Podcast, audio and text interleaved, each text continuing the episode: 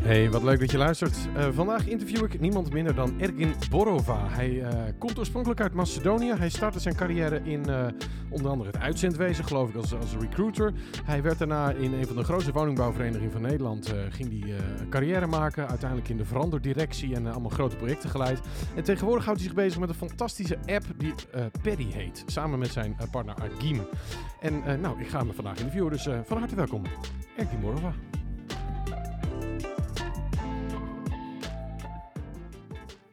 Daar zijn we. Ja. Goeiedag. Ik was, al begonnen eigenlijk. Je was al begonnen met praten omdat ik de muziek nog weg moest veden. Ja, zo gaan die dingen. Hey, wat leuk dat je er bent, Ergin. Dankjewel, uh, Arvid. Wat een eer om hier te mogen zijn. Nou, wat, uh, wat gezellig. Hey, vertel eens even, want Macedonië, dat is niet zo, uh, dat spreek ik niet dagelijks.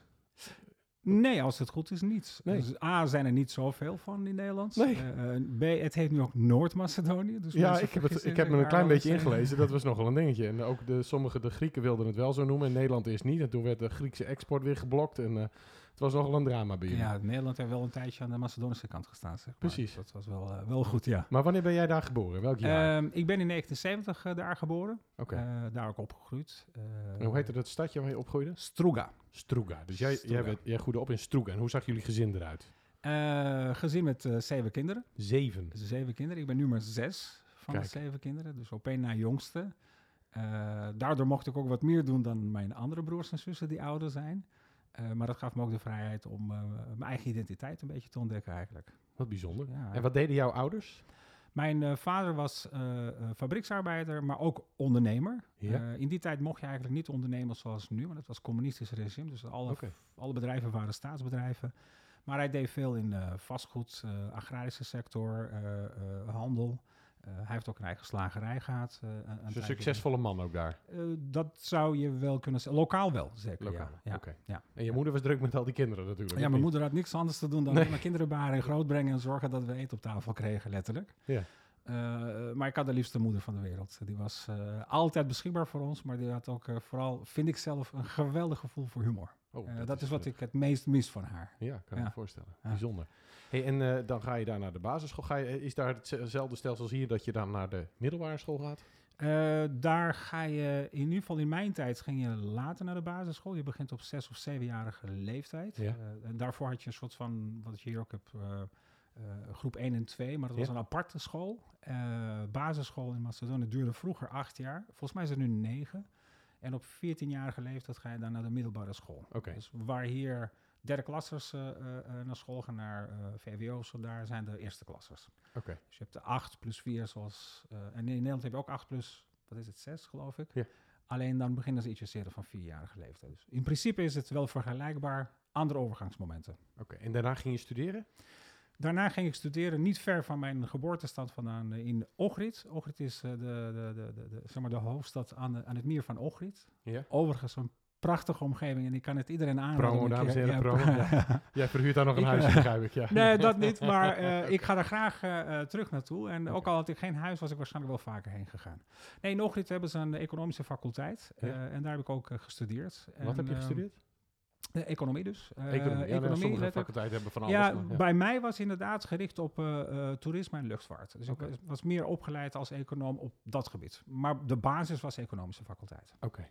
En op welk moment ben je dan op, nou, naar Nederland gekomen? Was je er eerder geweest op vakantie? Ik was eerder geweest op vakantie. Dat was in 1990. Ik Met je ouders? Nee, nee, nee, met uh, een van mijn beste vrienden. Okay. Uh, lieftant, rondtoeren, uh, interrailen, alles wat jonge mensen doen. Zeg je had maar. gewoon een treinkaartje, je dacht dan maar naar Amsterdam, naar de Hoeren en het Wiet en alles wat er was. nee, dat was, het, dat was niet. Dat was het niet. Toen je wist ging ik het nog voor niet. de molens en de tulpen. Ik ja. ging, ja, voor ja. de tulpen met name. maar we hebben wel een leuke tijd gehad in die tijd. dat was in 1990. En in dat jaar toevallig heb ik ook mijn huidige vrouw leren kennen. Die was daar reisleidster. Oh, bijzonder. heel bijzonder, ja. Dus ik heb haar leren kennen, maar ik ging eigenlijk naar Nederland op vakantie. Eigenlijk naar Europa, ook Duitsland en rondreizen. En uh, ik heb dus een relatie met een Nederlands meisje gekregen. En dat heeft mij uiteindelijk naar Nederland gebracht, maar dat was vier jaar later. Okay. Dus in 1994 heb ik uiteindelijk, nadat ik afgestudeerd was, heb ik besloten om, om naar Nederland te komen. Ja, ik had de keuze om ook daar te blijven. Ik, toevallig, de dag dat ik afstudeerde, kreeg ik ook een aanbod om assistent eh, hoogleraar te worden aan de universiteit waar ik afstudeerde. Dus je was ook goed. Je was ook een pintere knaap. nou, daarop. Pinter, ik, ja, ik- er zijn dingen die ik leuk vind om eh, te doen. Eh, eh, en dat doe ik dan ook met volle overtuiging. En dat zag men, misschien iets te laat voor hen. Maar ik heb die aanbod, hun aanbod niet geaccepteerd. Omdat ik al lang plannen had om weg te gaan uit dat land. Maar ik zag dat je in Nederland begonnen bent bij actief een of ander uitzendbureau, geloof ik. Ja, Was- klopt. Nou, eigenlijk een van mijn eerste... Mijn allereerste baan was op Schiphol. Eh, en ik, eh, eh, ik ben op aankomsthal 2 aangekomen. Ja. Dat weet ik nog, omdat ik dacht van... Nou, in dit land ga ik het helemaal maken. Ik was 24, afgestudeerd en je denkt dat je alles weet enzovoort. Vol zelfvertrouwen in die tijd. Nu nog misschien, maar toen al helemaal. Dat was op vrijdag. Ik had een weekend met mijn vrouw, toen vriendin dus nog. Van, nou ja, leuk. We hadden elkaar een tijdje niet gezien daarvoor. Eh, maar goed, maandag ging zij werken. En mijn vraag was maandag van, wat ga ik doen? Wat, hoe zoek je werk in dit land? Nou, toen gaven ze mij een paar adressen van, nou, ga naar een van die uitzendbureaus, eh klop ons aan en dan kijken of ze iets voor je hebben. En de laatste eh, van een rijtje uitzendbureaus had een baan voor me. En dat was op Schiphol als schoonmaker van aankomstal 2. Wauw. Ja, Maar dan dus- ben je bijna gevraagd als assistent professor en dan sta je daar met een dweil in je handen. Ja, dus dat was wel een... dat is een eh, beetje vernederend. Dat is wel een domper, hoor, moet ik wel zeggen. Maar tegelijkertijd, ik zag daar de lol van in. Want eh, ergens had ik ook geaccepteerd, als je het wil maken, moet je ergens beginnen. En ehm, ik wilde ook eh, taalkursus eh, gaan volgen. Die had ik daarvoor nog uitgezocht van, goh, waar zou je dat kunnen doen? Was geen internet. Want je dus sprak met je vrouw alleen maar Engels. Engels, ja, toen die tijd nog alleen maar Engels. En alle andere cursussen die je kon volgen, die zeg maar betaalbaar waren of vanuit de overheid gesubsidieerd. Ja, daar waren alle niveaus door elkaar. En dan voor mij ging dat iets te traag. eh, want je had ook mensen die amper hun eigen taal konden spreken of schrijven, bij wijze van spreken. En dan laatst aan Nederlands. Dus ik, heb mijn, eh, ik wilde een baan hebben en ik wilde mijn eh, salaris volledig geïnvesteerd hebben in taalkursus. Ja. En ik heb het in zes weken geleerd. Wat knap. Ja, dat was wel intensief en ook knap misschien wel inderdaad. En wat deed dat met je relatie dat je elkaar ineens verstond? nou, we verstonden elkaar op eh, alle fronten ook daarvoor, ook in het Engels. Oh, oké. Maar eh, de, de, de overgang was wel grappig. Want ineens spreken we met elkaar af, zullen we vanaf nu alleen Nederlands met elkaar praten. En omdat mijn vocabulaire in het begin beperkt was, eh, gaf dat wel eh, wat uitdagingen. Eh, maar daar zit ook je leervermogen. Want op het moment dat je niet weet hoe een tafel heet in het Nederlands of een glas of wat dan ook. Ja, dan ga je op zoek naar Ja. woorden of ga je een strategie bedenken, taalstrategie, hoe je gaat, gaat zeggen wat je wil zeggen zonder dat woord te kennen. Dus nou, dat heeft mij enorm geholpen. En vrij kort na die eerste baan ben ik bij Van der Valk gaan werken. Ja, Ja. Dat hielp mij ontzettend om eh, eh, ja, de taal goed onder de Dus knie echt te een team krijgen. met mensen waar je de hele dag samenwerkt. Ja, en ook gasten die alleen maar Nederlands ja, met je praten. Maar ook de Nederlandse cultuur van appelmoes en een kersje. dat mensen zich druk konden maken om een kersje als die ontbrak eh, Ja. op hun appelmoes. Eh, in een periode dat overigens eh, eh, voormalig Joegoslavië in eh eh, rep en roer was met de oorlog. En ik kon dat soms niet matchen, dat mensen hier zich druk maakten om dat kersje. En ik had in mijn hoofd ja, totaal andere problemen. Want jouw over- familie zat daar nog. Familie, vrienden, ja, in voormalig Joegoslavië. Macedonië is een beetje buiten eh, de, de, de, de heftige oorlogstoestanden gebleven. Maar Bosnië en eh, Kosovo later eh, hebben er echt volle portie aan gehad. Eh, en ik heb daar ook vrienden.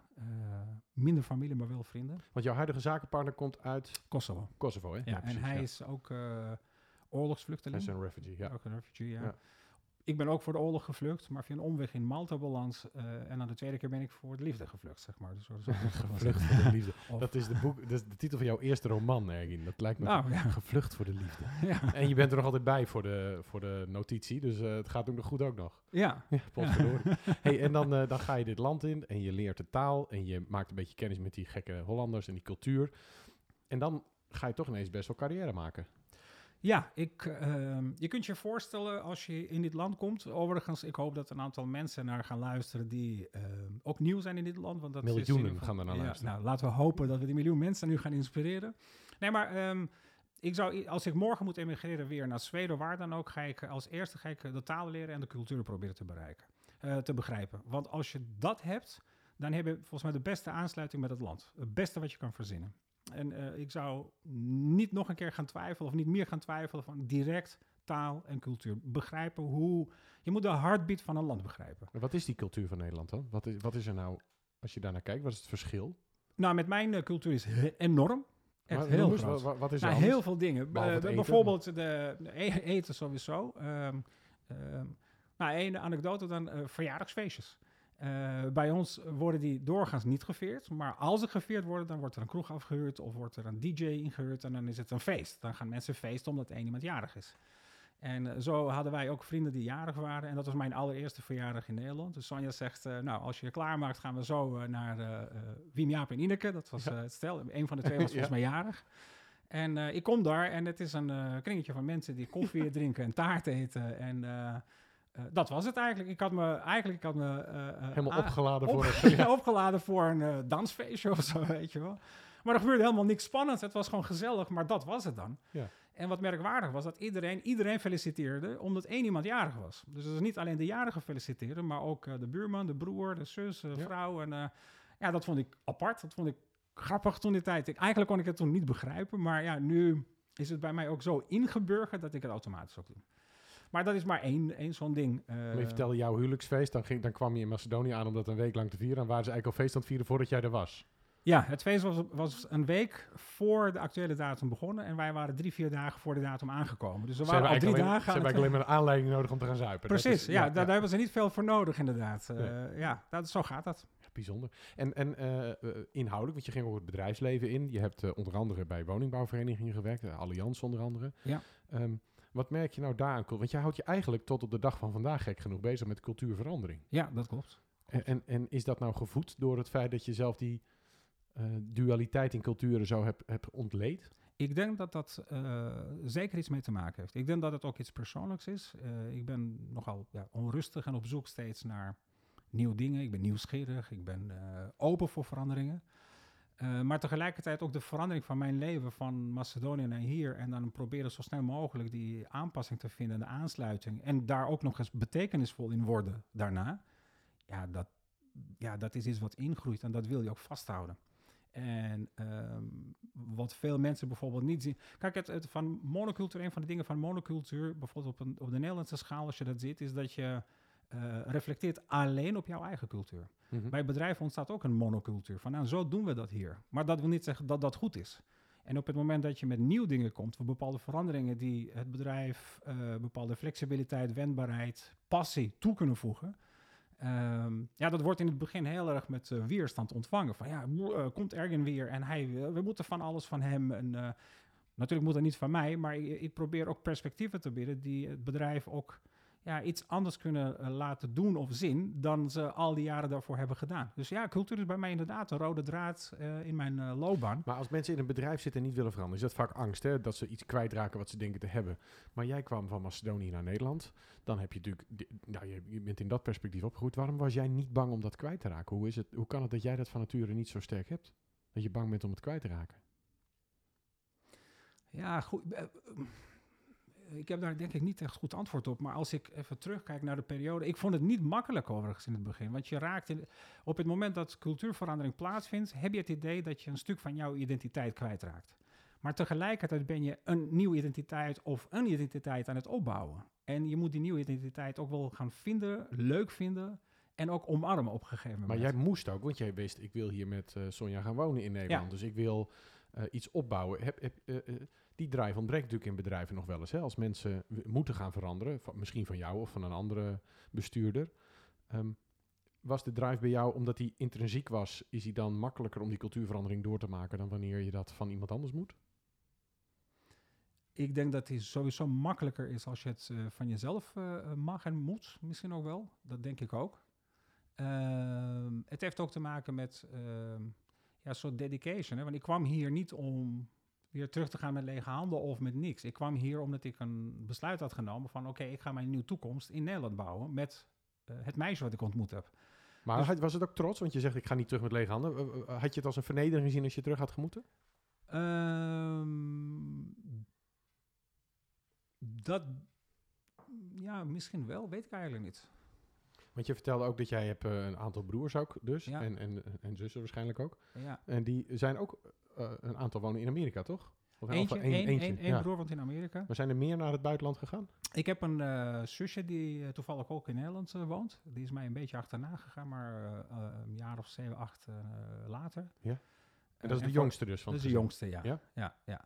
En voor de rest woont iedereen in Macedonië. Dus okay. de andere vijf wonen daar. Ja, dat is een goede vraag. Je zet maar te denken, maar, goh, had ik het als vernedering gezien om terug te gaan? Ik denk dat...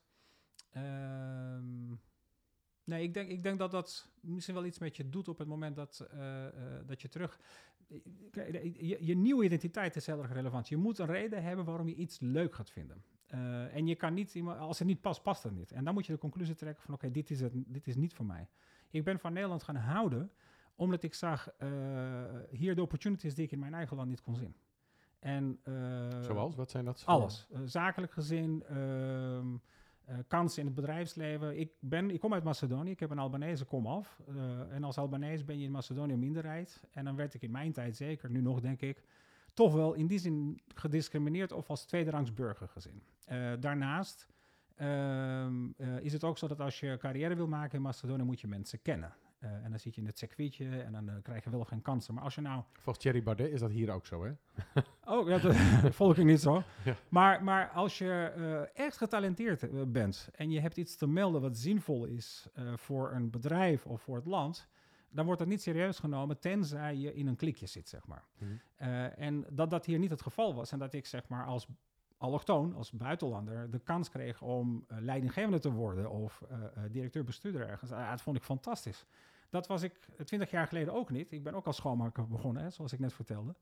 Eh, maar het gaat erom dat alle deuren open gaan als je maar wil. En dat Maar onderschatten we wel eens. Ja, je wil, maar je was toevallig ook nog econoom. Dus het is ook nog zo dat je best wel competent was. Het is niet zo dat je eh, opgroeide van het VMBO afgetrapt was, begon als schoonmaker. Ik bedoel, je had ook gewoon het, het hoofd ervoor. Nee, dat klopt. Maar ook in mijn land had ik dat eh, het Ja, hoofd ja, daarvoor. ja. Maar de kansen die ik daar kreeg, bijvoorbeeld behalve bij mijn afstuderen, waren echt heel erg beperkt. En ik denk dat dat best wel lastig is om daar doorheen te komen. En zien ze jou nu, als je nu, want je gaat nog eens terug naar Macedonië, ben je dan de trots van de familie? Ja, dat denk ik wel. Ja, Ja? ik denk dat, ja, ik denk het wel. Ik denk dat mijn, mijn, eh, mijn eh, familie is een beetje eh, in de verdeling de helft introvert en de helft extravert. En de introverte mensen die geven zo'n droge schouderklopje van hey, eh, goed bezig broer. Ja? En de extraverten die geven feestjes omdat Ja. ik iets gedaan heb of zo. Dus je kan hier een promotie maken op eh, een nieuwe baan of zoals met Paddy als we leuke klanten bij hebben of lancering van een nieuwe versie. En dan hoor ik dat... Familie WhatsApp. Familie, nee, ja, familie gaat daar een feestje geven eh, Oké. om die gelegenheid. Die nodigen mensen uit. Ja, ja dat, zo gaat dat. Ja. Ja. Ja. En, en is dat ook, was dat ook een drijfveer voor je om iets te gaan bereiken? Had je ook zoiets van, ik, de, de- ik, die erkenning is belangrijk voor me?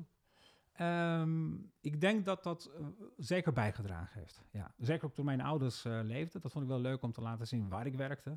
We, je, ze hebben ook natuurlijk die loopbaan meegemaakt. En als je ze een eh, telefoontje pleegt, zo- jaren 90 was, was geen WhatsApp, van goh, en heb je al een baan? Ja, ik werk als schoonmaker. Ja, je kunt je voorstellen Ja. dat dat nou niet Ja. de meest leuke baan was om te vertellen. Maar als je dan drie, vier, vijf jaar later vertelt dat je, wat ik noemde toen, kantoorbaan hebt. Hè. Ik werkte voor een uitzendbureau of later bij UWV Projectmanager, ja. projectmanager, alle Ja. ingewikkelde banen met veel verantwoordelijkheid enzovoort. Eh, ja, dat was wel, wel te- trots. Ja. Ja, dat, en dat doet iets met je. Je merkt dat zij trots op jou zijn en dat reflecteert terug op mijn gedrag en eh, mijn ambitie vervolgens. Dus ja, Hey, je hebt best wel wat verschillende functies gehad. Waar vroegen mensen jou voor? Waar, waarvan zagen ze al snel, daar is die man goed in? Eh, vrij snel viel ik op als iemand die leidinggevende capaciteit had. Ik eh, was goed in knopen doorhakken, maar ook mensen aan elkaar verbinden. En groepen, mensen, bedrijven, afdelingen voortstuwen, zeg maar. Ik hoorde toevallig nog eh, tussen de middag had ik een afspraak met, of vanochtend, met een ex-collega die ik heel kort leiding heb gegeven. En dat ik ook terugkreeg van, goh, in die korte periode heb je heel veel impact op mijn leven, op mijn loopbaan ook gehad. Ja, dat vind ik wel leuk om te horen. Maar ik heb impact op mensen kennelijk. Eh, de manier, manier waarop ik dingen doe, eh, de manier waarop ik praat of eh, mensen inspireer. Of, dus dat viel op. En vanwege mijn verandervermogen ben ik ook steeds gevraagd voor veranderkundige opgaves. Dus als er iets veranderd moet worden, gereorganiseerd, samengevoegd worden, eh, waren ze vrij snel erover uit van, goh, we moeten Ergen even bellen. Want, En, verandervermogen vind ik een mooi woord. Waar, waaruit bestaat verandervermogen? Ehm, Is dat zo dat je ze eigenlijk heel goed... eh want je kunt je voorstellen, in Italië doen ze dat dan met een paardenkop in je bed. Paardenhoofd moet ik zeggen voor de paardenliefhebbers. maar, maar wat, hè, dus dan, dan ga je een beetje mensen dwingen. Een bepaalde, wat is verandervermogen? Ehm, het vermogen om mensen te laten zien wat de andere perspectieven zijn en waarom dingen veranderen moeten. Als ik veranderingen heel plat sla, zijn mensen, eh, of ver- verandervermogen heel plat sla, gaan mensen veranderen om in de basis twee redenen. Omdat iets wat eh, nu het geval is, wordt pijnlijk en ondraaglijk. Of omdat het nieuwe eh, wordt heel erg, wat ik noem exciting. Wordt Mhm. opwindend om in te geloven. En ehm, ik heb natuurlijk ook in, de, in mijn loopbaan de fout gemaakt dat ik vond dat er veranderd moest worden, maar niemand anders vond dat. Omdat ik dingen zag die anderen niet zagen. Uh, ik, dat wil niet zeggen dat ik ongelijk had. Uh, maar dat mensen toch wel uh, niet konden zien. Ik kon niet visualiseren wat ik zag zodat ze ook konden zien dat het eigenlijk pijnlijk werd. De traagheid van een organisatie. Dat, ook, dat moet je zo kunnen inspireren. Ja, en het vermogen om te inspireren is volgens mij het uh, waardevolste brandstof wat je kan stoppen in een veranderkunde dan uh, elke andere maatregel. Je, je kan de Italiaanse praktijk ook toepassen, maar volgens mij heeft dat uh, kortstondig effect en volgens mij is dat ook niet helemaal kosher, om het maar zo te zeggen. Uh, maar ook dat, dat directieve van ik wil dat, dus we gaan het zo doen, uh, kan effect hebben op korte termijn. Maar als mensen gaan veranderen omdat ze bang voor mij of jou zijn, ja, dan heeft dat geen langdurig effect. Mensen willen veranderen het meest op het moment dat ze kunnen zien en visualiseren van waar gaat dit heen en waarom wil Ergin dat wij die beweging gaan maken. What's in it for me, what's in it for my team. Hè? Dus echt uh, eigen maken. En op het moment dat ze zichzelf kunnen verplaatsen in jouw schoenen, dat ze zien wat jij ziet en vervolgens eens zijn met dat perspectief, uh, ja, volgens mij hebben we dan al de beweging een beetje op gang gebracht. En het is een proces. Mensen vinden verandering heel vaak van, oké, we gaan veranderen. Uh, je kent het, donderdagmiddag vier uur gaan we de cultuur veranderen. Het is een proces. Je moet ook lange adem hebben. Je moet continu in gesprek blijven met mensen. je moet ook successen vieren om te laten zien, het is goed de richting die we hebben gekozen. Dus, dus hou daar vooral aan vast. Uh, de, de, meest basale maatregel om mensen in beweging te krijgen is belonen of bestraffen. Maar belonen is in mijn perspectief en het positieve veel interessanter en duurzamer dan het bestraffen. Bestraffen ja, schieten mensen toch wel van in de kramp of gaan vluchten, vechten en verstijven. Nou, dat soort reacties. Maar als je ze weet te belonen met positiviteit, door ze in beweging te krijgen en vervolgens ook teruggeven wat je ziet. En dat het wel de goede richting is en dat ze dat vooral moeten blijven doen. Want je kan ook de effecten daarvan laten zien. Ja, dan lopen ze en harder voor je of voor de zaak uh, en met meer overtuiging. Hey, en was uh, Allianz de grootste veranderproject wat je ooit... Is dat het hoogtepunt van, van die carrière, van dat verandermanagement? Je moest iets van 500 miljoen gaan besparen ergens, geloof ik? Nee, nee, nee, oh, nee, dat was bij UWV. Oh, UWV is dat, oké. Okay. UWV hebben wij, in de tijd dat ik daar werkte, had je twee grote afdelingen. De werkgevers- en de werknemersgedeelte. De werknemersgedeelte bestaat nog, hè, de WW en de WAO ja. via maar toen die tijd werd ook de premie inning door UWV zelf geregeld. Ik was verantwoordelijk voor 5,5 uh, miljard aan okay. premie inning. Um, en dat hele spul zou dan overgaan naar de Belastingdienst. Dus dat is een soort sterfhuisconstructie, zoals wij dat noemen. Van 600 man terugbrengen naar volgens mij iets van 80 of 100. Mm -hmm. Ik was verantwoordelijk voor uh, 200, 300 man. En daar zouden ook maar 20, 30 mensen aan overblijven. Dus dat was een van de grootste persoonlijke veranderkundige opgaves die ik had. Want je maar dat is niet een hele blij, want je uh, sterfhuisconstructie, het woord sterven zit erin. Ja. ja. Was ja. dat een rauw proces voor veel mensen? Ja. En het, het, uh, weet je wat het grappig is, of helemaal niet grappig, maar het interessant van die periode. Um, in het begin geloofde niemand dat dat zou gebeuren. Dat is met heel veel verandering zo. Ja, het zal mijn tijd wel duren. Zoveel reorganisaties overleefd. Dit overleven we ook wel. Vervolgens uh, gebeurt het. We gaan stap voor stap afbouwen om ruimte te maken voor die overgang naar de fiscus. Uh, en vervolgens wordt de verandering de norm.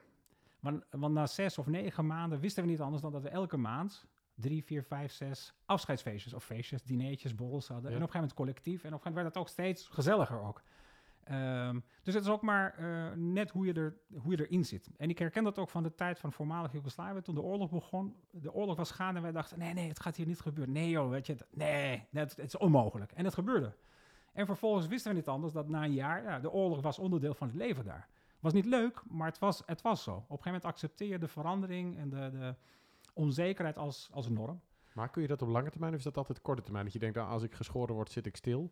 Dus in dat soort perioden doe je dat dan tijdelijk? Of kun je dat ook op lange termijn volhouden? Nee, je kan het ook op lange termijn. Je moet het ook op lange termijn volhouden. Okay. Maar ook de context, context zorgt dat je het aan kan. Uh, en uh, met mensen samen vind je een formule om niet alleen te overleven in die context, maar ook het beste uit te halen. In die periode van mijn afbouw bij uh, uh, UWV was mijn ziekteverzuim nooit lager geweest in al die jaren. Hm.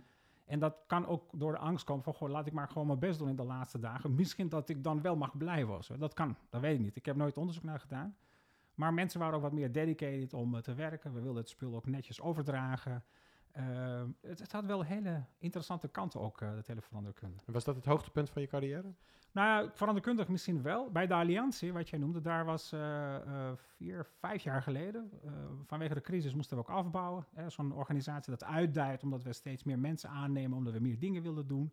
De woningwet en de crisis. De woningwet is in 2015 overigens aangenomen. Dit was voor die tijd hadden wij zoiets van, het moet echt met minder mensen uh, kunnen. En we hadden toen uh, uit mijn hoofd 800 man in dienst en we zouden teruggaan naar 550.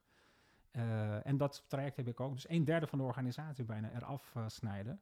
Dus naast veranderen ben je ook gewoon goed in mensen eruit donderen? Op een nette manier dan, ja. Maar is dat omdat jij van cultureel bepaald misschien ook meer strijder in je hebt en, en, en dat gewoon rationeler kunt bekijken? Is dat ook een cultureel ding? Um, is in Macedonië uh, ontslaan ze mensen daar makkelijker dan hier? Nooit gewerkt daar, weet je. Dus ik, weet, niet hoe ze, ik, weet, niet hoe ze dat daar doen. Nee, ik weet niet of dat... Uh, ik denk dat het... Pers Misschien heeft mijn cultuur wel hoor, een aantal kenmerken die mij, mij maken. Dat denk ik wel. Uh, nou, dat kunnen we wel vaststellen, maar of het ja, hier, hier verband mee houdt, weten we Ja, dat zou wel kunnen hoor, dat, dat het ook wel mee te maken heeft. Wat mijn uh, taak bij de Alliantie makkelijker maakte, dat moet ik wel eerlijk ook bijzeggen, is dat ik uh, mezelf ook eruit donderde. Oh, dus in die lijst van 200 zoveel mensen heb ik mijn eigen naam aan toegevoegd. En dat gaf mij ontzettend veel gezag om met mensen te levelen en ook hun problemen te begrijpen. Zoals iemand zegt, hey, joh, je, overigens, het was geen persoonlijk verhaal van mensen ontstaan. Het was niet zo van de, degene die niet deugen moeten eruit. Het was een sociaal plan met allerlei kenmerken. Je, kent hoe, je weet hoe dat gaat. Mhm. Maar in die end ja, komen de namen in eh, die uh, toevallig in, op dat lijstje vallen. En soms kun je daar iets in schuiven, maar de ruimte is heel beperkt. Behalve als het echt om onmisbare kennis gaat wat ontslagen moet worden, maar de organisatie heeft het nodig. Het is in één geval volgens mij het geval geweest. Maar verder is het gewoon, ja, heel plat gezegd, pech hebben. Alleen ik kan kennelijk goed omgaan met mensen die in die pechsituatie uh, zitten, want heb ik alle begrip voor hun moeilijkheid, voor uh, afscheid nemen, voor de hele overgang. En tegelijkertijd ook helpen rationaliseren van luister, één deur gaat dicht, maar er gaan nu heel veel deuren voor je open. Alleen dat moet je in staat zijn om het te zien. En dat is misschien ook wat ik gezien heb toen ik ook naar Nederland kwam, over die cultuurverandering. Um, niet alles wat je in Nederland meemaakt of ziet is mooi, maar je kan het mooie in alles zien wat je ziet en meemaakt. Snap je wat ik bedoel? Ja, zeker. Eh, ja. En dat duurde bij mij eventjes. Maar dat moet je kunnen, dat heb jij dus geleerd. Ik heb dat wel geleerd. Ik heb geleerd om het mooie, het, het, het positieve, het fijne van alles wat ik hier meemaak en zie, om dat eruit te krijgen. En dat, dat kan kennelijk wel. Ja. Hey, en dan maak je dus een mooie carrière. En dan, uh, nou ja, veel mannen krijgen op een gegeven moment een midlife crisis en kopen een Harley Davidson. Uh, jij was een hele serieuze meneer, de bestuurder en verandermanager. En in één keer kwam jij met rugzakjes uh, op vergaderingen in, in B Amsterdam en zei: Ik heb allemaal start-ups. Ik dacht: Jeetje, Ergen, wat goed. En, en, hoe is dat? Hoe, hoe kom je dan op het punt dat ik denk: Nou, die veiligheid laat ik los. Ik ga nou helemaal from scratch iets bouwen. Ja, weet, ja ik, had, ik had wel een toffe baan ook bij de Alliantie. En ook wat perspectieven voor andere leuke banen in de directie enzovoort. Uh, maar ik ben bij mezelf te raden gegaan van, goh, wil ik dit wel? En wil ik dit om de goede reden? En ik kwam erachter dat ik dat uh, wilde om, basically om twee redenen. Uh, zekerheid, weet je, en perspectief van een soort lineaire loopbaan. Van iedere keer weer een stapje verder. En dan, en dan kan je zeggen, nou, ik ben weer een stapje verder gekomen. Maar ik merkte dat dat me niet zo heel erg boeide. Als ik echt diep in mijn hart kijk, ben ik veel meer een ondernemer. Ik ben creatief, ik wil dingen maken, ik wil dingen bedenken, ik wil dingen verbeteren. Ik ben ook super maatschappelijk betrokken. Althans, misschien laat ik dat niet altijd zien, maar dat ben ik echt van, uh, van binnenuit. En ik wilde echt iets doen met onderwerpen, onderwerpen die mij boeiden. En ik ben heel breed geboeid als persoon. Uh, ik, ik, ik vind heel veel dingen leuk, maar als je een functie hebt en je werkt bij een bedrijf, dan ben je ook loyaal aan die functie en dat bedrijf. Dus alle creativiteit die je hebt, moet je een plek geven. En meestal is dat niet een plek van, ik ga daar iets mee doen, maar meer parkeren, zeg maar. Je deed thuis niks? Je ging niet schilderen of koken of... Nee, Nee, nee, ik, dat, ik, ja, weet je, ik kan me bijvoorbeeld druk maken of irriteren aan dingen. En die irritatie, heb ik gemerkt, is de beste inspiratie die je kan hebben om dingen te doen. Je moet je... Ik heb dat heel lang niet toegestaan om geïrriteerd te raken aan dingen. En toen besloot ik om dat wel te doen. En dat was in 2014 heel veel dingen van me afgeschreven van oké, wat wil ik nou eigenlijk echt? En ik kwam erachter dat ik wilde ondernemen. Ik wilde dingen maken, bedenken, uitvoeren, koppelen aan elkaar naar enzovoort. Maar toen begon je niet ehm, meteen met Paddy, toch? Je begon eerst met, wat was ook alweer? Happy Mondays. Happy Mondays, dat was ja, ja. Doe je dat nog? Ja, Happy Mondays is een van de moederbedrijven van Paddy, zeg maar. We zijn met Happy Mondays begonnen. En wat was de uh, drijfveer? Wat was het? Want je zat te schrijven, je zat die woede van je af, de irritatie. Jij, je dacht nou ga ik toch maar voor. Uh, werd dat thuis meteen met applaus begroet? Ja. Ja? Ja, ja nou, dat was echt verrassend. Dus je begon ook heel goed met de midlife crisis. Ga je, wat ga je doen? Harley Davidson ja, kopen of een tatoeage op je arm zetten of weet ik het allemaal wat. En ik had bedacht van, goh, ik wil ondernemen. en ik kreeg volle support van mijn vrouw, want zij, zij kent mij als geen ander. En ze weet dat ik onrustig ben als ik niet doe waar ik, waar ik goed in ben of waar ik heel veel voor voel. En je kinderen, want die kijken er natuurlijk ook wel anders naar. Vonden die ook mijn stoer? kinderen, ja, die, die vonden het wel een beetje raar ook in het begin. Van, goh, jeetje, je hebt toch gewoon een leuke baan en een auto van de zaak en al dat soort dingen. En je geeft ons aanzien. regulier zakgeld, dus, eh, ja, nou, ik geef ja. regulier zakgeld. ja, precies. En daarna ook, eh, eh, ook gedaan trouwens. Maar ik, ik, ik, ik moest van mezelf ondernemen. Want je gaat op een gegeven moment je zegeningen tellen. Je van, oh, ik heb veel geleerd, veel gedaan in de afgelopen 20 jaar. Ik, ben, ik was toen 44, 45. Maar als ik mijn dromen uitstel nog, ja, dan weet ik niet of het moment gaat komen dat ik het wel ga doen, weet je wel. Dus ik dacht van, nou, het is nu het moment. Het is, het is, eigenlijk is er nooit echt een geschikt moment, maar dit was het, het beste moment om dat te doen. Ook vanwege de alliantie. Ik had die, de, de eh, transitie ook eh, begeleid. Toen dacht ik van, weet je, dit is het moment om eruit te stappen. Ik kende je Agim op dat moment al heel lang. ik kende hem eh, zeker toen iets van 17, 18 jaar. Want jullie kennen elkaar waarvan? Eh, hier, we hebben elkaar hier leren kennen via een, een gezamenlijke vriend. Eh Agim was tolk eh 20, 25 jaar geleden eh, voor de Albanese vluchtelingen uit Kosovo. En hij had getolkt voor de ouders van die andere vriend van mij. Oké. En eh, toen heeft hij ons in contact gebracht. Eh, we hadden een klik. En eh, nou, zo hebben we contact al, al 20 jaar dit jaar. En toen belde ik hem op. Ik zei, "Joh, luister, ik ga mijn baan opzeggen. Ik ga voor mezelf beginnen. Ik denk dat ik wat eh, internetwerk ga doen, want dat vind ik leuk. Dat veranderkundigen. Maar ik wil ook wel een start-up. Want ik heb wat ideeën eh, waar ik wat mee wil. En ik wil met een start-upje eh, daar hand en voet aan geven. En eh, laten we eens even bij elkaar komen. En volgens mij waren we twee biertjes later en, en de twee bierviltjes vol gevuld met een businessplan. Namelijk zo gaan we het doen. Het gaat Happy Mondays heten en we gaan toffe dingen doen met de technologie. iets wat mensen en mensenlevens beter maakt. Maar dit, eh, dit, het klinkt ook meteen als het stereotypische Google-ding. Jullie zaten in zo'n zo'n zo'n studentenpand waar allemaal jonge hipsters eh, lopen. Jullie dronken van die chique koffie en jullie liepen met rugzakjes en jullie gingen de wereld verbeteren. En het was een soort Silicon Valley. En, en jullie, jullie, jullie eh, deden ook echt helemaal de droom zoals het hoort. Was dat ook hoe je het voor je zag of, of ging dat vanzelf? Het begin ging vanzelf. Dat klopt, ja. Nee, het ging vanzelf. Maar eh, eh, ja, ik weet of wij eh, van die dure koffie drinken trouwens. Nee, hippe. Ik Of- weet niet of het duur is, hippe, maar... hippe hip- koffie, ja. Nou ja, daar kan, daar kan ik me overigens ook wel eens aan irriteren aan deze generatie. Want het is echt een mooie tijd om op te groeien. Maar jonge mensen tegenwoordig kunnen echt zich druk maken om de verkeerde melk in hun koffie. Omdat het wel of niet met amandelen is of half Ja. vet. Of, eh, mijn generatie is daar minder gevoelig voor. Wij gingen echt voor de inhoud. En eh, toevallig hebben we een plekje gevonden bij B Amsterdam. Zo'n verzamelgebouw van alle start-ups. En dat vond ik fantastisch, want dan konden we echt ons ei kwijt. Even eh, alles buiten laten wat ze toedoet, zoals status en een pak en een stropdas. En gewoon naar binnen, inderdaad, wat jij zegt, met een rugzakje.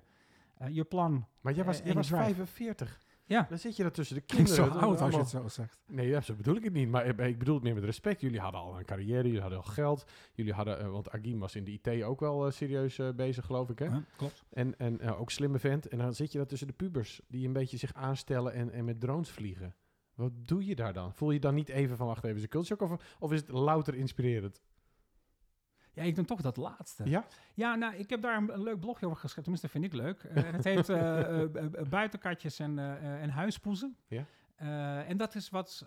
kijk, ik ben organisatiekundige van huis uit. En loop je zo'n eh B Amsterdam gebouw naar binnen voor een rondleiding toen we daar zouden huren. En ik zie inderdaad al die jonge mensen die met dromen bezig zijn. Niet met drones, maar met hun Ja. eigen dromen. Drones, ja. Drones. En, en van potverdorie, weet je. Ik zie iedereen actief bezig.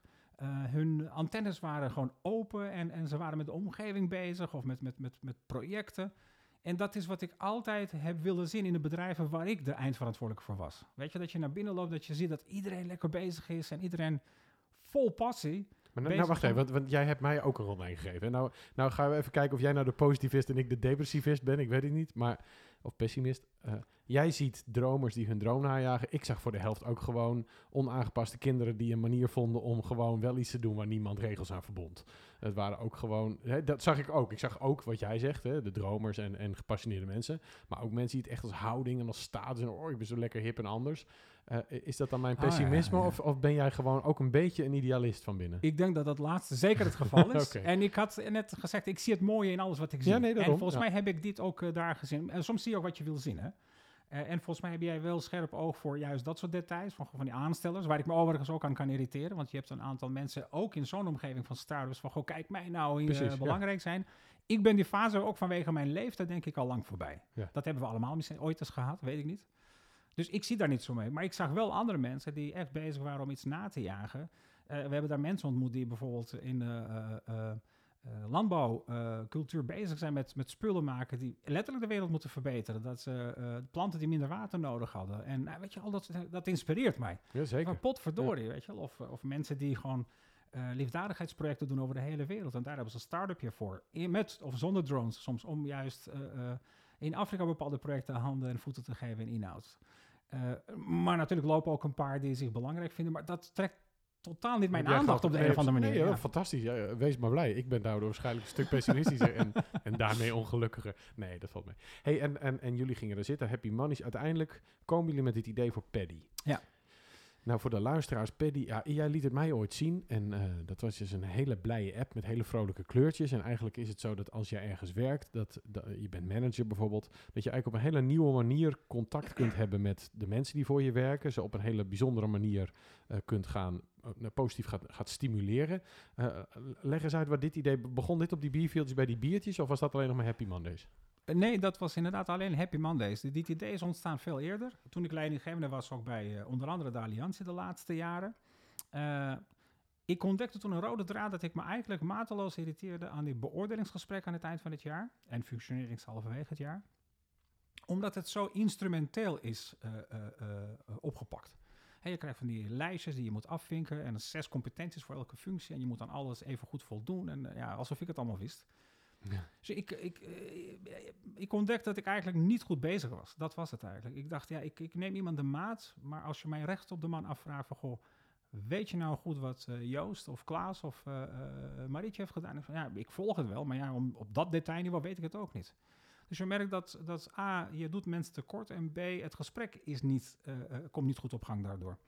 En in uh, de laatste jaren als leidinggevende heb ik dat proces omgedraaid op basis van mijn eigen overtuigingen. Namelijk, joh, mensen, maak je eigen uh, beoordelingsverslag, of hoe je het ook noemen wil. Kies je eigen vorm. Uh, en ga mij een half uur of drie kwartier een keer gewoon boeien met jouw verhaal. En dan ga ik daarop in. Weet je, ga ik vragen stellen en ga ik kijken wat ik daarvan vind, of ik jou daarin herken.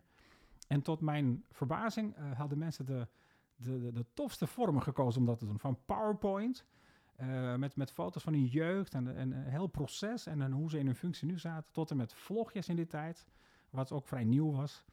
Um, dus onbewust sprak je ook nog een keer die hele creativiteit aan. Ja. Die je zelf eigenlijk miste ook in Ja, ik miste dat. En toen kwam, ik vond het veel leuker. Ze waren veel kritischer naar zichzelf, uh, viel mij op. En ze hadden veel beter verhaal uh, over zichzelf.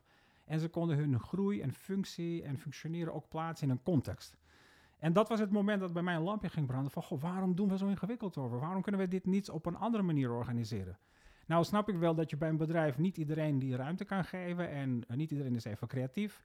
Maar uh, om een ouder-kindrelatie in stand te houden, waardoor de ouder steeds uh, de maat aan de kinderen gaat nemen, dat vond ik ook niet handig. Dus ik ben uitgegaan van een volwassen relatie, van twee volwassen mensen, maar waarvan vanuit het Dit heb je geleerd uit de transactionele analyse, of niet? Daar zit het letterlijk... Uh, nee, nee, dit is, meer... Nee, dit is echt vanuit ja. uh, mijn praktijkervaring. Omdat ik merk, als je mensen behandelt op een bepaalde manier, gaan ze zich ook uh, zo gedragen.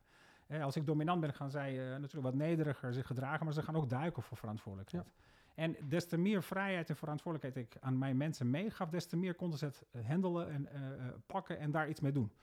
Uh, en dat was het moment dat het idee werd uh, geboren. En toen dacht ik van, nou, als we dat nou met technologie kunnen ondersteunen, dat we daar een applicatie of een app maken waarin je met, aantal, met elkaar een aantal afspraken maakt, maar de medewerker is aan zet en die trekt aan zijn leidinggevende en die uh, zorgt dat, dat de leidinggevende of een collega die hem of haar coacht, een soort begeleider wordt in het traject. Dus ik, ik ga mijn doelen halen, maar ik neem jou mee op reis om te laten zien hoe ik dat doe, zodat je me gaandeweg de tijd ook feedback kan geven ja, dat, dat was vrij snel uitgetekend. En op basis maar was, van... was Agim het daar meteen mee eens? Want jullie zaten bier te drinken en, en uh, hij kwam een hele andere achtergrond. Hij had dit niet meegemaakt. Dacht hij meteen goed idee? Of dacht hij, weet je, laat hem maar lullen, ik uh, bouw het wel? Ja, hij, eh, tot mij, hij snapte het heel snel eigenlijk. Hij snapte heel snel wat ik bedoelde. En uh, hij is een ICT'er, dus hij denkt veel meer in bits en bytes en, en de tabellen en, en, en de codering. Maar hij had zich ook heel snel verdiept in van hoe werkt dat hele HRM-proces, want hij had het nog nooit meegemaakt. Hij is zo lang een freelancer dat hij nog nooit dit soort processen actief had meegemaakt. Dus hij kon daar niet over meepraten, maar hij zegt, ik geloof wat je zegt en ik geloof dat dat beter werkt als we het op een andere manier doen. Dus uitgangspunt was niet bouw een applicatie waar mensen digitaal spullen kunnen bijhouden. Nee, bouw een applicatie wat een andere mindset gaat ondersteunen. Vanuit de medewerker, niet vanuit het bedrijf. Vanuit je doelen halen, niet vanuit het administreren van je doelen aan het eind van dit jaar. Maar dat vraagt, dat vraagt van je de leidinggevende die hiermee moet gaan werken, die moet zich ineens kwetsbaar gaan opstellen. Die moet eigenlijk ook vrijheid gaan geven. Die kan zich niet meer uh, verschuilen achter die rapportjes. Waren ze daar allemaal louter enthousiast over? Um, theoretisch wel. ja, precies. Maar in de praktijk uh, kwamen ze ook zichzelf tegen. Precies. Ja, dat is wel waar. Want in de praktijk uh, uh, denken ze van ja, ik wil wel die vrijheid geven, maar mijn medewerkers weten niet wat voor doelen ze moeten definiëren voor zichzelf. Of ze hebben weinig zelfkennis. Ehm, en vervolgens geef je aan van, joh, wacht eens, want voor de zelfkennis heb je al een tool. Dat hebben wij Feed Forward genoemd. En dat, dat is één knop en dan hoef je aan uh, te swipen en dan kan je een paar mensen vragen van, goh, wat vind je nou van Wat is het verschil tussen feedback en feedforward voor jou? Ja, voor mij is er, zijn twee dingen die we veranderd hebben in onze applicatie ten opzichte van feedback zoals we die kennen. Eén is uh, uh, dat wij het accent meer in de toekomst leggen dan in het verleden. Dus bij de vraagstelling met Paddy uh, gaat het meer over wat vind je van wat ik doe enzovoort. Maar we hebben vooral voor mij een aantal suggesties en tips waarmee ik mezelf kan verbeteren, ontwikkelen enzovoort. Daar zit die forward in. Uh, en met Paddy kan je feed forward alleen vragen. Ongevraagd en iemand zomaar even iets swipen en dat hij dat even thuis leest, uh, kan niet. Behalve als het uh, compliment is en iets positiefs. Maar wij vinden als je echt ehm, kritiek op iemand hebt, of in ieder geval iets waarvan een ander ehm, even over na moet denken, dat je de tijd moet nemen en de context moet uitleggen en, en een kopje koffie van mij apart en, en niet via een app. Maar als je bezig bent met je ontwikkeling en je wil de vraag aan je omgeving stellen, dan kan dat via PD heel makkelijk. Maar jullie, want ik zag toen die app, ik, heb, ik, ik hou hem niet elke maand bij, omdat ik natuurlijk niet in een grote organisatie werk, maar ik heb een aantal keren updates gezien.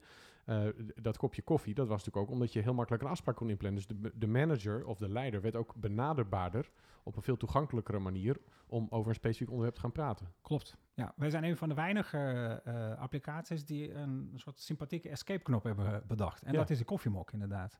Want we vinden dat je ook als medewerker of als leidinggevende de gelegenheid moet hebben om iemand te vragen van, goh, laten we niet even verder op die paddy blijven hangen, want dan blijft het soort ja, digitale conversatie. Maar swipe je hem een kopje koffie, die krijgt het op zijn scherm te zien en is het een uitnodiging van je leidinggevende of van een medewerker richting de leidinggevende of richting een coach. Van, goh, ik heb even je hulp nodig, laten we even babbelen. Of ik wil met je kletsen. En uh, dat is de escape-knop. Hey, en en uh, Agim is dat ding gaan bouwen. Dus op een gegeven moment zitten jullie ergens op je iPhone te turen en heel uh, giegelig de eerste versie te bekijken en zo.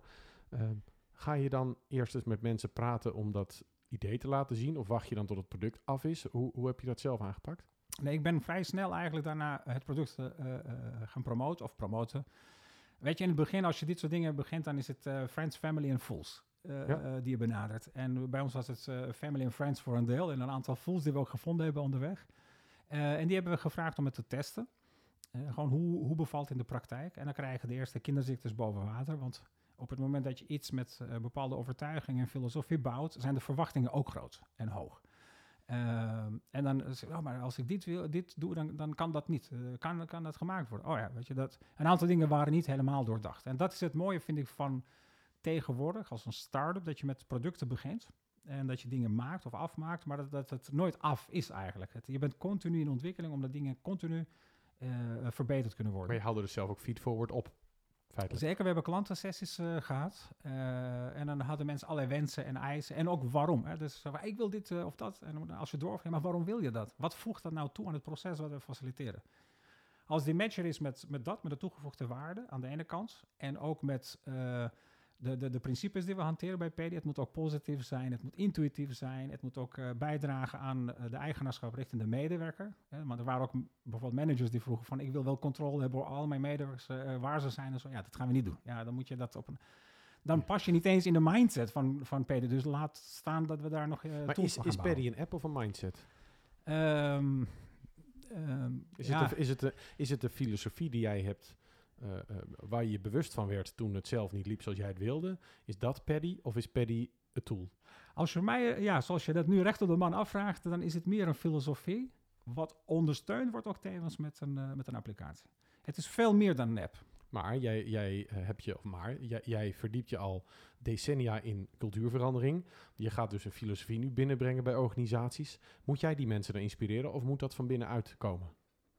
Innovatie en inspiratie komt doorgaans van buitenaf. Oké. Okay. Ja. En, en uh, wanneer halen ze dat binnen? Hebben ze dan heel veel pijn en gaat het helemaal kut? Ja, nou, zij moeten wel in staat zijn om uh, datgene wat ze van de buitenwereld uh, meekrijgen, om dat eigen te maken. Maar echt, dat is mijn overtuiging, en dat is ook een beetje gebaseerd op, op ervaring. Innovatie komt zelden van binnenuit.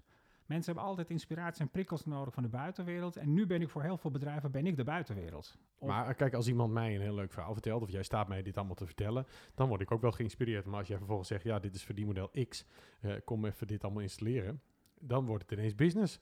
Eh, hoe, hoe, maak je die vertaalslag? Van, van aan de ene kant ben je de sympathieke inspirator met een fijn idee. Aan de andere kant, wil, jullie zijn volgens mij al een aantal jaren bezig. Je hebt hier tonnen in geïnvesteerd, eh, kunnen we wel zeggen. Het is nog niet zo dat je zegt, nou, we hebben het al voor 15 miljard naar de beurs gebracht. Al zal dat ongetwijfeld gaan gebeuren. Maar ik bedoel, is een long road. Uh, hoe, hoe ga je om met die balans? Aan de ene kant wil je zakelijk succes ook pushen. Aan de andere kant, filosofie en cultuurverandering laat zich ook niet dwingen. Nee, dat klopt. Uh, kijk, de implementatie van PEDI is wel, uh, uh, dat, dat is wel een uitdaging. Dat moet ik wel bijzeggen. Het is niet alleen namelijk een tool downloaden en daarmee dat je ook een nieuw mindset eigen hebt gemaakt. Het is ook oefenen met die mindset. Dus je moet een soort onboarding doen op het moment dat mensen... Ja, het is, het is net een sportschoolabonnement. Je kan die kopen, maar daarmee ben je nog niet fit. Nee, dat ken ik. Ja. dus wat wij doen is sportschoolabonnement verkopen en een programma over hoe je het beste fit kan worden. Maar ben je ook personal ehm, trainer dan? Sta je er ook naast? Dat je zegt, ik nou, sta soms wel naast. Ik ben vooral uh, bezig met de grote groepen en het inspireren van een hele organisatie of een deel daarvan om, om ze mee te nemen in mijn verhaal. Waarom we dit doen en van waaruit hebben we dit gedaan en hoe hebben we dingen bedacht en op welke manier zouden ze moeten werken met Paddy. En vervolgens hebben we een aantal collega's die Chief Happiness Officers heten, die doen dat op uh, kleine schaal per team. Want soms heb je gewoon een eikel van een leider. Of een scheiterd van de leider. Of een scheiterd, ja. Ja, die heb je ook. En, wat, wat, gebeurt er dan als je dan... Ja, nee, dat gebeurt bij de sessies bijvoorbeeld. Dat mensen iets niet willen of niet snappen. Of, uh, of ze doen het wel of ze willen wel. Maar de leidinggevende reageert bijvoorbeeld niet of te weinig. Ook via petty niet, maar ook fysiek of persoonlijk niet. Ja, en vervolgens uh, gaat ook de leidinggevende uh, bijvoorbeeld ons aankijken van... Ja, en ja, hoe moet dat dan met PD? Want PD faciliteert dat niet. Terwijl de vraag teruggelegd moet worden aan de leidinggevende. Van goh, als mensen iets van jou verwachten en jij levert niet, dan is het iets wat jullie met elkaar moeten bespreken. Maar die chief happiness officers, dat is dan nogal een functie. Dat kan wel eens. Dat zijn serieuze uh, organisatieveranderaars. Uh, alleen doen zij dat wel op, uh, op kleinschalig en wat meer light. Als dus jij doet eigenlijk de grote clients? ik doe de grote en de grote groepen met name. En als er een organisatie is waarvan wij denken van nou daar moet meer gebeuren dan alleen maar light begeleiding, dan hebben we ook coaches die we aanvliegen. Dat is een soort van transformers. Die komen dan en die blijven daar een tijdje. Die gaan een aantal nou, sessies met de teams doen, teamsessies, uh, leiderschapsprogramma's, weet ik wat allemaal. En vervolgens gaat het. en, wat voor bedrijven doen dit al? Uh, we hebben grote en kleine bedrijven. Uh, verreweg de meeste bedrijven die met PEDI werken zijn ongeveer 100 tot 1000 man groot. We hebben ook wat kleine bedrijven. En we hebben uh, ook ABN AMRO Bank aan boord. Die doen ook met een aantal innovatieteams. Niet de hele bank overigens, maar wel een aantal innovatieteams die Paddy gebruiken. En begint het, hè? Het begint met een paar teams. Ja. het begint met een paar teams. En het leuke is dat ze elkaar ook inspireren daarmee. Uh, zij gebruiken Feed Forward heel erg sterk. En op onderdelen hebben ze Feed Forward als methodiek uh, bijna tot kunst verheven, vind ik zelf. Omdat ze daar een open cultuur mee hebben geforceerd. dialoog met elkaar, ontwikkeling staat centraal. dat doen ze echt uh, prijzenswaardig, moet ik zeggen. Ja. En nou uh, ben ik uh, even fictief een investeerder in Silicon Valley en ik wil hier even een paar miljard in gaan pompen. Dan zie ik ook meteen dat het goed, de, de, de schaalbaarheid dus ook afhankelijk is van de mensen die dit gaan implementeren. Ga je daar een opleiding voor ontwikkelen? Ga jij mensen volgens jou, want jij bent eigenlijk ook ervaringsdeskundige, je bent een van de meest ervaren, ervaren managers, verandering managers. ga je die mensen dan zelf opleiden? Hoe ga je dat doen? Want die ja, app werkt dus niet zonder die mensen. Nee, de schaalbaarheid is uh, mede hierdoor misschien nu even een, uh, een, een, een, interessante topic ook voor ons. Van hoe gaan we hiermee om? Uh, kijk, in principe zijn wij softwaremaker. Uh, en langs de weg. Maar ook filosoof. Nou, ga je, nou, nou maak je jezelf te klein. Maar dan moeten ze eigenlijk een Borva-academie komen. waar verandermanagers die Paddy kunnen implementeren uh, geboren worden. Nou, misschien doen we dat wel. Maar de vraag is of dat wel nodig gaat zijn. Weet je, met alle uh, vernieuwingen heb je ook een soort tipping point. wanneer mensen beginnen te geloven in iets. en dan gaat het die kant op. En dan heb je ook niet zoveel begeleiding of uitleg meer nodig. omdat dat gewoon de norm is. Ja, we zijn nog niet tot dat punt gekomen nu. Nee, maar, goed, als ik een nieuwe organisatie ben, ik ben de HEMA, om er iets te noemen, en ik denk morgen, ik ga met Paddy beginnen, ik kan die Apple downloaden, kan ik op een duizend mensen erop zetten, maar dat gaat niet werken. Ehm, We hebben ook bedrijven waar nul begeleiding uh, plaatsvindt. Oké, het kan dus wel. Ja, ja, zeker. We hebben een aantal uh, bedrijven met wat meer hoogopgeleide mensen die ook... Uh, kijk, het gaat erom om die filosofie als het ware te begrijpen en omarmen. Als je dat doet, dan heb je geen begeleiding En hoe doe jij dan, hoe zorg jij ervoor dat mensen die filosofie begrijpen en omarmen? Want dat is dus eigenlijk je marketing. Ja, dat is mijn marketing. Dat doen we deels via de social media, onze website enzovoort. Maar op het moment dat mensen zeggen, wij willen met jullie in gesprek... of ze zijn met ons in gesprek en vervolgens kiezen ze voor PD... dan neem ik de hele organisatie uh, bij de hand, zeg maar. En ik doe de grote plenaire kick-offs, zoals we dat noemen, de onboardings. En in sommige gevallen is, is er ook niet meer dan dat nodig. Uh, we hebben een aantal mooie maar dan ben je een soort motivational speaker? soort van, ja. Okay. Ja, en dan hebben mensen, oké, okay, nou, we snappen waar dit heen gaat. We snappen hoe het werkt. Dus uh, let's get on it. En dan, en, dan, en dan doet hij het gewoon. En heel soms hebben zij ook een klein duwtje in de rug nodig. Want het zijn ook maar net mensen en de waan van de dag en andere prioriteiten en agenda dit. En je snapt het allemaal wel. Maar in die end werkt het wel heel erg goed, ook bij dat soort bedrijven. Alleen, uh, ja, verreweg de meeste bedrijven zijn zo lang blijven hangen in het uh, traditionele manier van werken op dit proces. Een jaar of 40, 50. En nu komt er frisse wind vanuit Amsterdam of Macedonië, voor mijn part. Wat ook inspireert. En mensen, we krijgen daar heel veel goede reacties op. We hebben ook een award gewonnen vorig jaar met titel Reshaping Human Resources. Nou, hartstikke leuk. maar in die end moet dat ook wel doorgezet worden om impact te hebben. En zeker in de eerste fase en bij, bij, bij een grote groep van die traditionele organisaties is er wel wat begeleiding nodig. Maar we moeten het ook niet groter maken dan het is. Want je hebt twee, drie sessies nodig om even op gang te komen. Dat duurt binnen een paar maanden, is dat zeg maar. En op een gegeven moment kan je ze gewoon loslaten en dan, en dan gaat het prima. En uh, de, jij zit in die scene, dus jij hoort regelmatig mensen met allemaal van die hippe startups die dan, weet ik veel, s'nachts werken, een pizza bestellen en op skateboard door de gang gaan. Maar jij, jij doet er de reality. Jullie, Agim en jij hebben en heel veel ervaring. Jullie hebben er een godsvermogen in gepompt. Je hebt een fantastisch idee. Je merkt dat er vraag naar is. gaat het je al snel genoeg? Um, ik zie overigens op dit moment een kleine glimlach. ja. ja, ja. nee, dat mag wel wat sneller. Nee, ik vind het serieus. Ik vind, de start-ups zijn ook gewoon hard werken. Ja, keihard werken. Okay. Ja, weet je, van niets iets maken is al een, grote overgang. Ik heb geen skateboard, ik vind het allemaal niet zo fancy qua, weet je, ook, de, de melk in mijn koffie vind ik ook niet zo spannend. Ik vind het product spannend, ik vind de impact uh, heel erg spannend wat we hebben op bedrijven.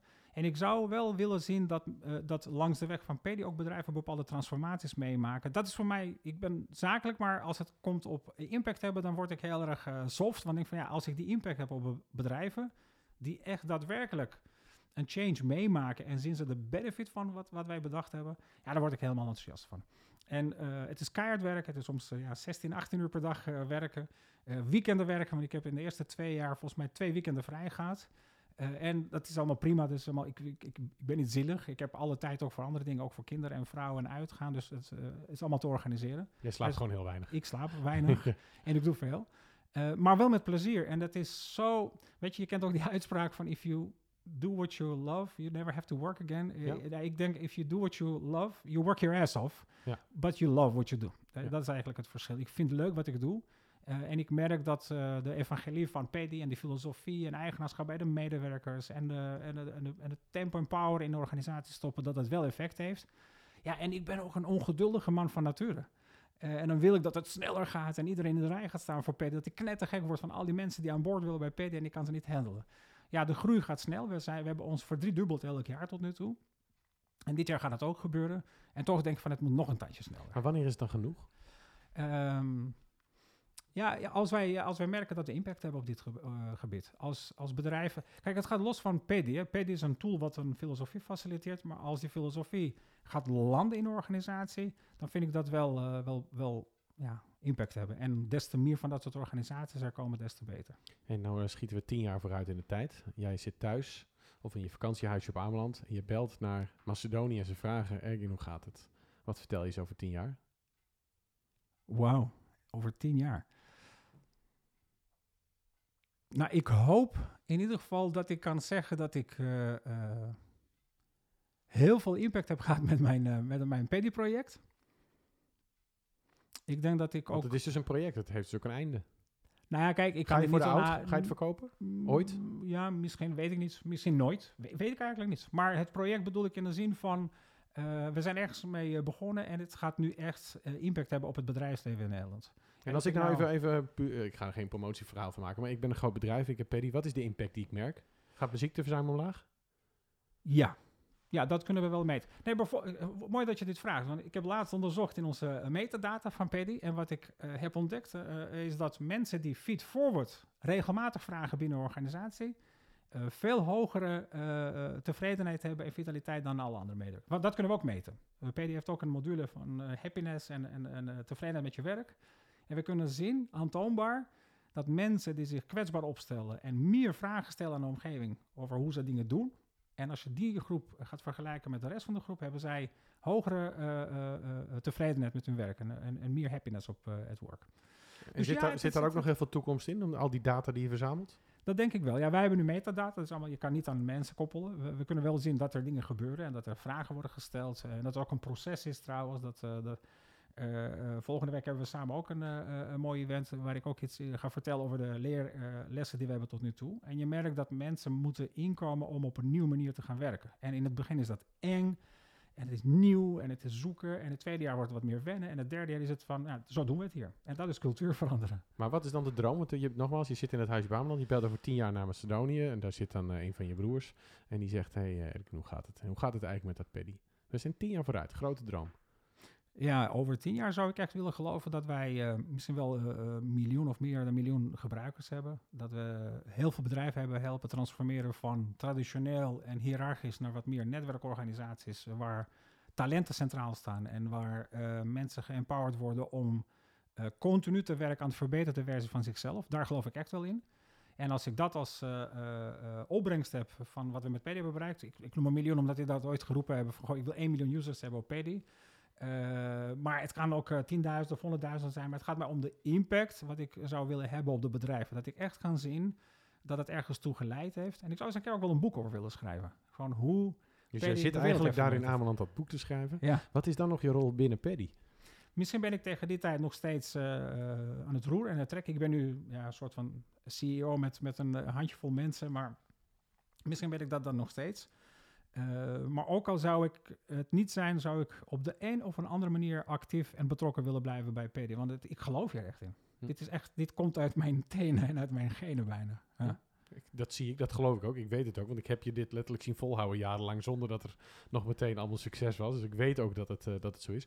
hey, wat is de belangrijkste levensles uh, uh, die mensen moeten begrijpen voordat ze met Paddy willen gaan werken? Wat is een, eigenlijk de basisinstelling van mensen die nu luisteren? Dat, dat je zegt van nou, als je dit concept of deze uh, uh, wijsheid in het leven begrijpt, dan moet je zeker eens gaan kijken naar wat wij doen. Ja, ik heb ik denk dat ik een paar dingen... We hebben dit overigens niet voorbereid. Hè, voor ik bereid nooit iets voor. De mensen die dit luisteren weten dat inmiddels al. Ja, Ik zet je gewoon neer met een kop koffie en de stroopwafel staan op tafel. Die heb je nog niet aangeraakt. Ja, gaan we maar we, beginnen. We beginnen gewoon. En, uh, de, dus de, maar waar moeten mensen in geloven? Dat is ja, nee, precies. Uh, alle allerbelangrijkste is volgens mij dat je gelooft dat als je medewerkers of mensen uh, verantwoordelijkheid geeft en je faciliteert de context om dat te kunnen pakken dat ze het kunnen doen en dat ze meer uit zichzelf gaan halen dan welke andere structuur en hiërarchie dan ook. Ten eerste. En ten tweede, wat ik ook geleerd heb met Paddy en andere onderzoeken die dat uitwijzen, is dat Paddy activeert de talenten van de medewerkers. En we kunnen heel lang kletsen over hoe je dingen moet doen en boeken en modellen. Maar in die end komt het erop neer dat je dingen moet gaan doen. En Paddy is een tool waarmee je dingen doet. Dus als je begrijpt die filosofie, uh, als je weet waar het over gaat en vervolgens ga je dat tool gebruiken om dat te praktiseren en je doet dat, ja, niet, zonder het te promoten, maar dan heb je echt vuurwerk in je handen. Dat is echt goud waard. Hartstikke goed. Hey, uh, dit was een gesprek met uh, Ergin Borova. Uh, sta jij op dit moment in vertrekhal 2 met een dweil in je handen? Of ben jij op een andere manier ontzettend geïnspireerd? Ben je net dit land binnengekomen en ben je nog bezig om die taal en die cultuur te leren? begrijp dan goed dat het gaat over wat je gaat doen, over de impact die het heeft. Ik hoop dat dit verhaal je heeft mogen inspireren. Dankjewel voor het luisteren. kijk voor meer informatie, google even naar Paddy, P-E-D-D-Y.